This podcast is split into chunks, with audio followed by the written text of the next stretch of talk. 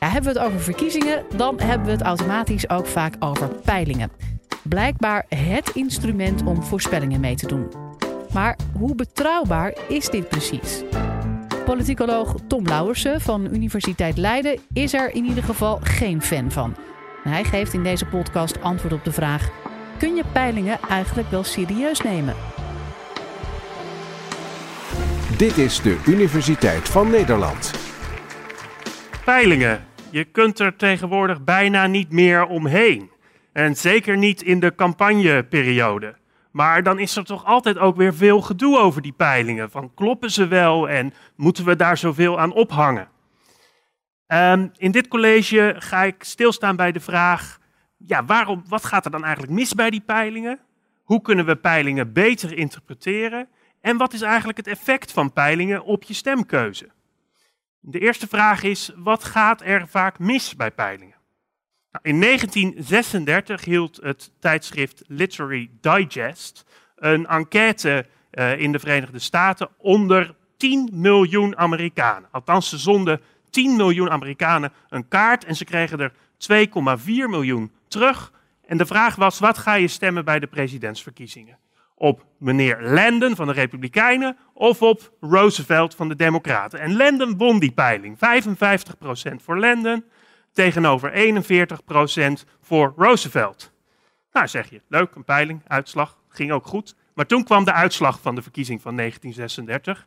Landon won maar 37% van de stemmen, terwijl Roosevelt 61% won bij de verkiezingen. Dus die peiling zat er compleet naast. Hoe kan dat nou? Nou, deze peiling was vooral gehouden onder mensen die autobezitter waren en de telefoon hadden. Want daar waren lijsten van. Hè? Dan kon je, die, die kon je mooi een brief sturen. Maar ja, dat zijn ook vaak wat, de, wat rijkere Amerikanen. En die stemmen weer vaker op de Republikein. En die Republikeinen deden vervolgens ook nog een keer vaker mee met de peiling. Die waren gewoon wat meer geneigd om die kaarten terug te sturen. En alles bij elkaar zorgde dat ervoor dat de peiling dus helemaal niet leek op de verkiezingsuitslag.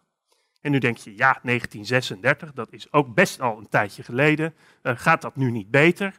Maar ook recentelijk zien we voorbeelden dat het toch misgaat bij peilingen. Dat de peilers ernaast zitten.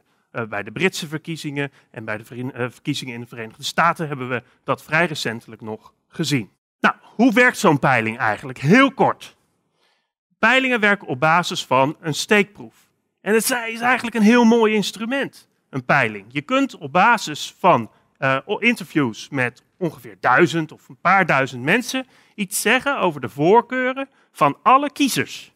Dat is eigenlijk heel krachtig. En dat kun je doen door ze te ondervragen in persoon bijvoorbeeld.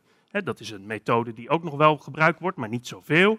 Maar je kunt ze bijvoorbeeld ook bellen. En dat is een traditionele methode die zeker in het buitenland ook nog wel gebruikt wordt. De peilers in Nederland die peilen allemaal via internet. En dat heeft natuurlijk ook zo zijn uitdagingen. En bij peilingen zijn er eigenlijk twee typen van fouten. Allereerst heb je de toevallige fout en je hebt de structurele fout. Wat is nou het verschil tussen die twee fouten? Toevallige fouten werken, werken als volgt. Stel je hebt een land waar partij A 20% steun heeft onder de hele bevolking. Maar ja, dat weten we natuurlijk niet, dus we houden een peiling. En uit die eerste peiling onder duizend mensen blijkt 19% steunt partij A. Nou, dat kan best. Is iets lager, niet verkeerd. Dan denk ik, nou laten we die peiling nog een keer herhalen. Hè, doen we nog een peiling onder duizend mensen. En dan is het 21% steunt partij A. Dus soms zit je er iets boven, soms zit je er iets onder. Als je dat nou, proces nou heel vaak zou herhalen, heel vaak zo'n peiling zou doen, dan zit je dus soms iets hoger en soms iets lager uh, dan die echte 20%. Maar gemiddeld genomen zit je eigenlijk vrij goed. Dus dat is een toevallige afwijking naar boven of naar onder. Maar naast de toevallige fouten kun je ook structurele fouten maken. Stel, de pijler denkt, ja, het is toch wel erg veel werk om in het hele land mensen te ondervragen en laat ik eens alleen in de grote steden een peiling houden. En dan krijg ik ook best een beeld van de steun voor partij A. En dat doen we dan. En dan blijkt uit die peiling onder weer duizend mensen in, in steden Partij A krijgt daar 28% steun. oh, dat is, wel, uh, dat is wel wat hoog. Laat ik die peiling nog eens een keer herhalen. En laten we het nog een keer doen. En dan, ja, 32% steun. hey, dan zit je dus eigenlijk, als je dat heel vaak zou herhalen, consequent hoger dan die 20% die het zou moeten zijn. En dat is dus een structurele fout. Nou, 10% is wel een behoorlijk groot uh, effect en dit is maar een voorbeeld. Maar doordat we te maken hebben met internetpeilingen waar mensen uh, voor worden uitgenodigd of zichzelf voor aanmelden, kun je je voorstellen dat niet iedereen dat even graag doet, dat sommige groepen wat meer vertegenwoordigd zijn en dat dat leidt tot vertekening in de resultaten.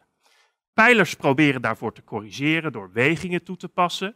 stel je hebt nou veel te veel uh, mannen in je, in je peiling, 60% mannen en maar 40% vrouwen, en je weet dat moet 50-50 zijn, dan weeg je die mannen iets minder zwaar mee en die vrouwen iets uh, zwaarder. En dan zo corrigeer je daarvoor. Dat werkt op zich wel, maar je kunt alleen wegen voor factoren waarvan je weet hoe alle kiezers eruit verdeeld zijn, hoe die er op de manier uitzien. En je ziet dan ook terug uh, dat uh, pijlers op verschillende resultaten uitkomen. En niet alleen door toevallige fluctuaties in de peiling, maar ook door structurele verschillen. Bijvoorbeeld in de peilingwijzer die ik maak, zien we in de periode vanaf 2012 tot 2016 um, dat uh, Maurice de Hond van Peil.nl de PVV structureel hoger inschat dan de politieke barometer van Ipsos. Dus het is goed om je te beseffen dat bij peilingen die toevallige en structurele fouten horen. Hoe kun je nou een peiling het beste interpreteren? Peilers die peilen bij elke verkiezingen en NIPO is een van de uh, partijen die dat doet. In 2012 uh, peilden ze regelmatig en ze kwamen met een slotpeiling waarin ze schreven, ze schreven zelf, VVD versus PvdA, too close to call. Het zit zo dicht bij elkaar, we kunnen niet zeggen wie er groter is. Maar wat maakte een van de kranten er vervolgens van? VVD aan kop in peiling TNS-Nipo. Omdat de VVD in de peiling één zeteltje hoger stond. Nou, wie iets begrijpt van fouten in peilingen, weet dat dat eigenlijk niks zegt. En dat had de peiler ook netjes opgeschreven, maar in de media wordt daar een ander verhaal van gemaakt. Hoe kunnen we dat nou beter doen? Drie lessen hier voor hoe je peilingen wel goed kunt interpreteren. Allereerst, houd rekening met de onzekerheden. Onzekerheid vinden we niet zo fijn, maar het hoort erbij. En we moeten leren om daar uh, op een prettiger manier mee om te gaan.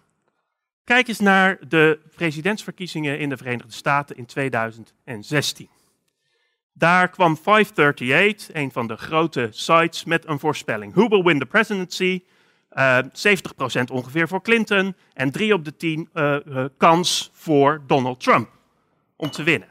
Die, je kunt zeggen, die voorspelling klopte niet. Aan de andere kant, je kunt ook zeggen, ze gaven 30% kans aan Trump om te winnen. Als de staatsloterij mij morgen 30% kans geeft om te winnen, koop ik meteen een lot. dus dat is niet niks, 30%. Dus om alleen maar te zeggen de peiling was fout en het is allemaal onzin, dat is te makkelijk. Houd dus rekening met de onzekerheden die bij peilingen horen. Ten tweede, peilingen zijn misschien niet zo goed in die kleine verschillen, maar de trends die zijn er wel en die blijken ook vrij duidelijk aan peilingen. Dus hoewel je rekening moet houden met die vertekeningen, kun je door naar de trends te kijken toch een beeld krijgen van hoe het ervoor staat met partijen. En als laatste, peilingen zijn aardig en zetelpeilingen, het focussen op eh, die uitslagen is aardig, maar er is veel meer moois met peilingen te doen. Eh, je kunt allerlei soorten vragen aan mensen voorleggen. En als je alleen al kijkt naar hun electorale keuze, geven peilers inzicht in hoe mensen twijfelen op welke, tussen welke uh, partijen twijfel je eigenlijk nog? Je bent misschien een CDA-stemmer, maar zijn er nog andere partijen waaraan je denkt? Uh, de stemming van één Vandaag doet dat heel mooi. En andere pijlers vragen naar de motieven van kiezers. Hè, uh, waarom stem je op deze partij? Waarom ben je van mening veranderd? Dus er is veel meer dan alleen die zeteltjes wat er uit peilingen komt. Ehm, en los daarvan kun je dus ook nog hele andere vragen stellen. Van wat vind je eigenlijk van actuele thema's? Wat zijn de belangrijke onderwerpen voor kiezers? En dat biedt een interessante bijdrage aan de democratie.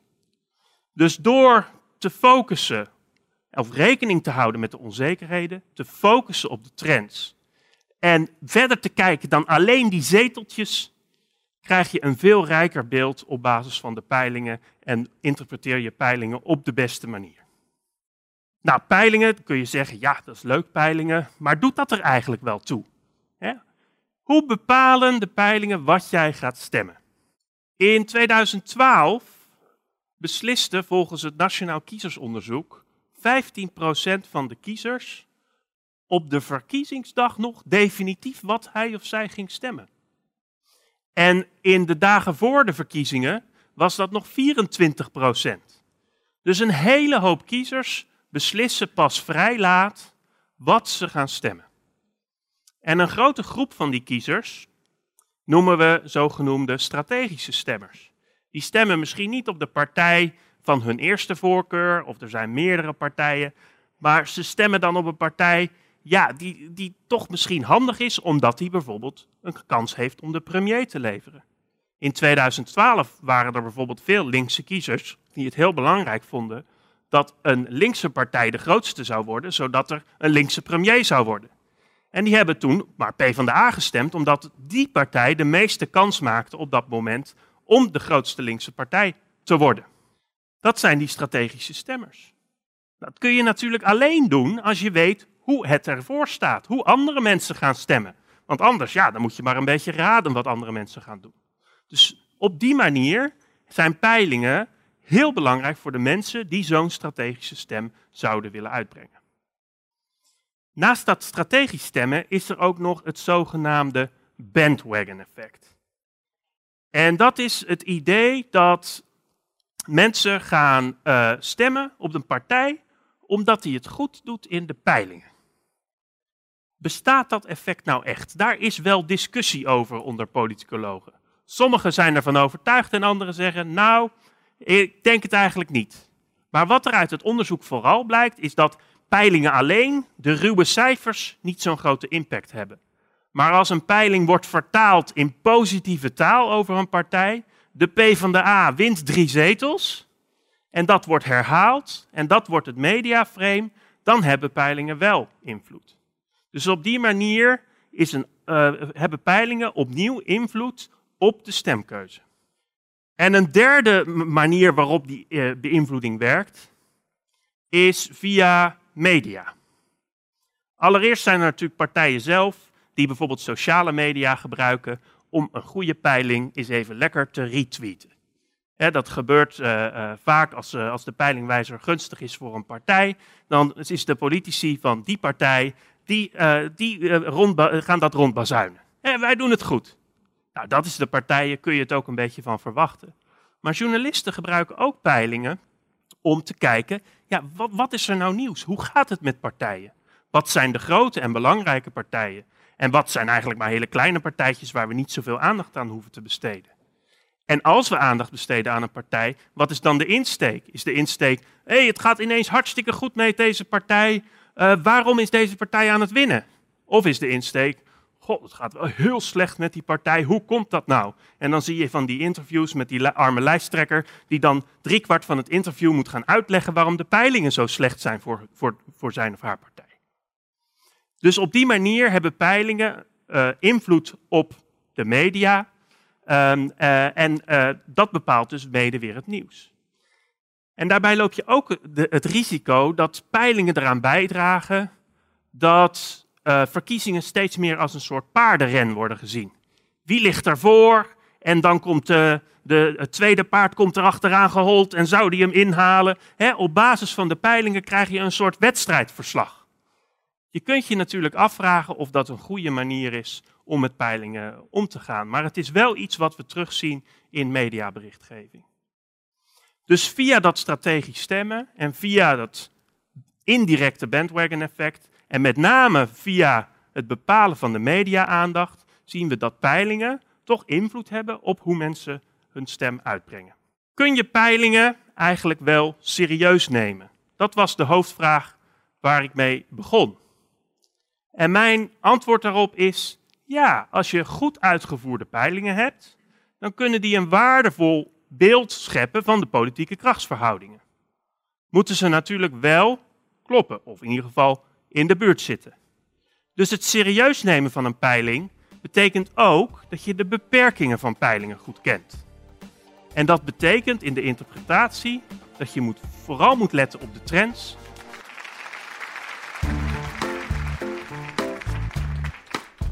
Dit was de Universiteit van Nederland. Wil je nou nog meer horen, bijvoorbeeld over de vraag waarom zoveel millennials kampen met een burn-out? Of hoe je een oogbal kunt bioprinten? Check de hele playlist.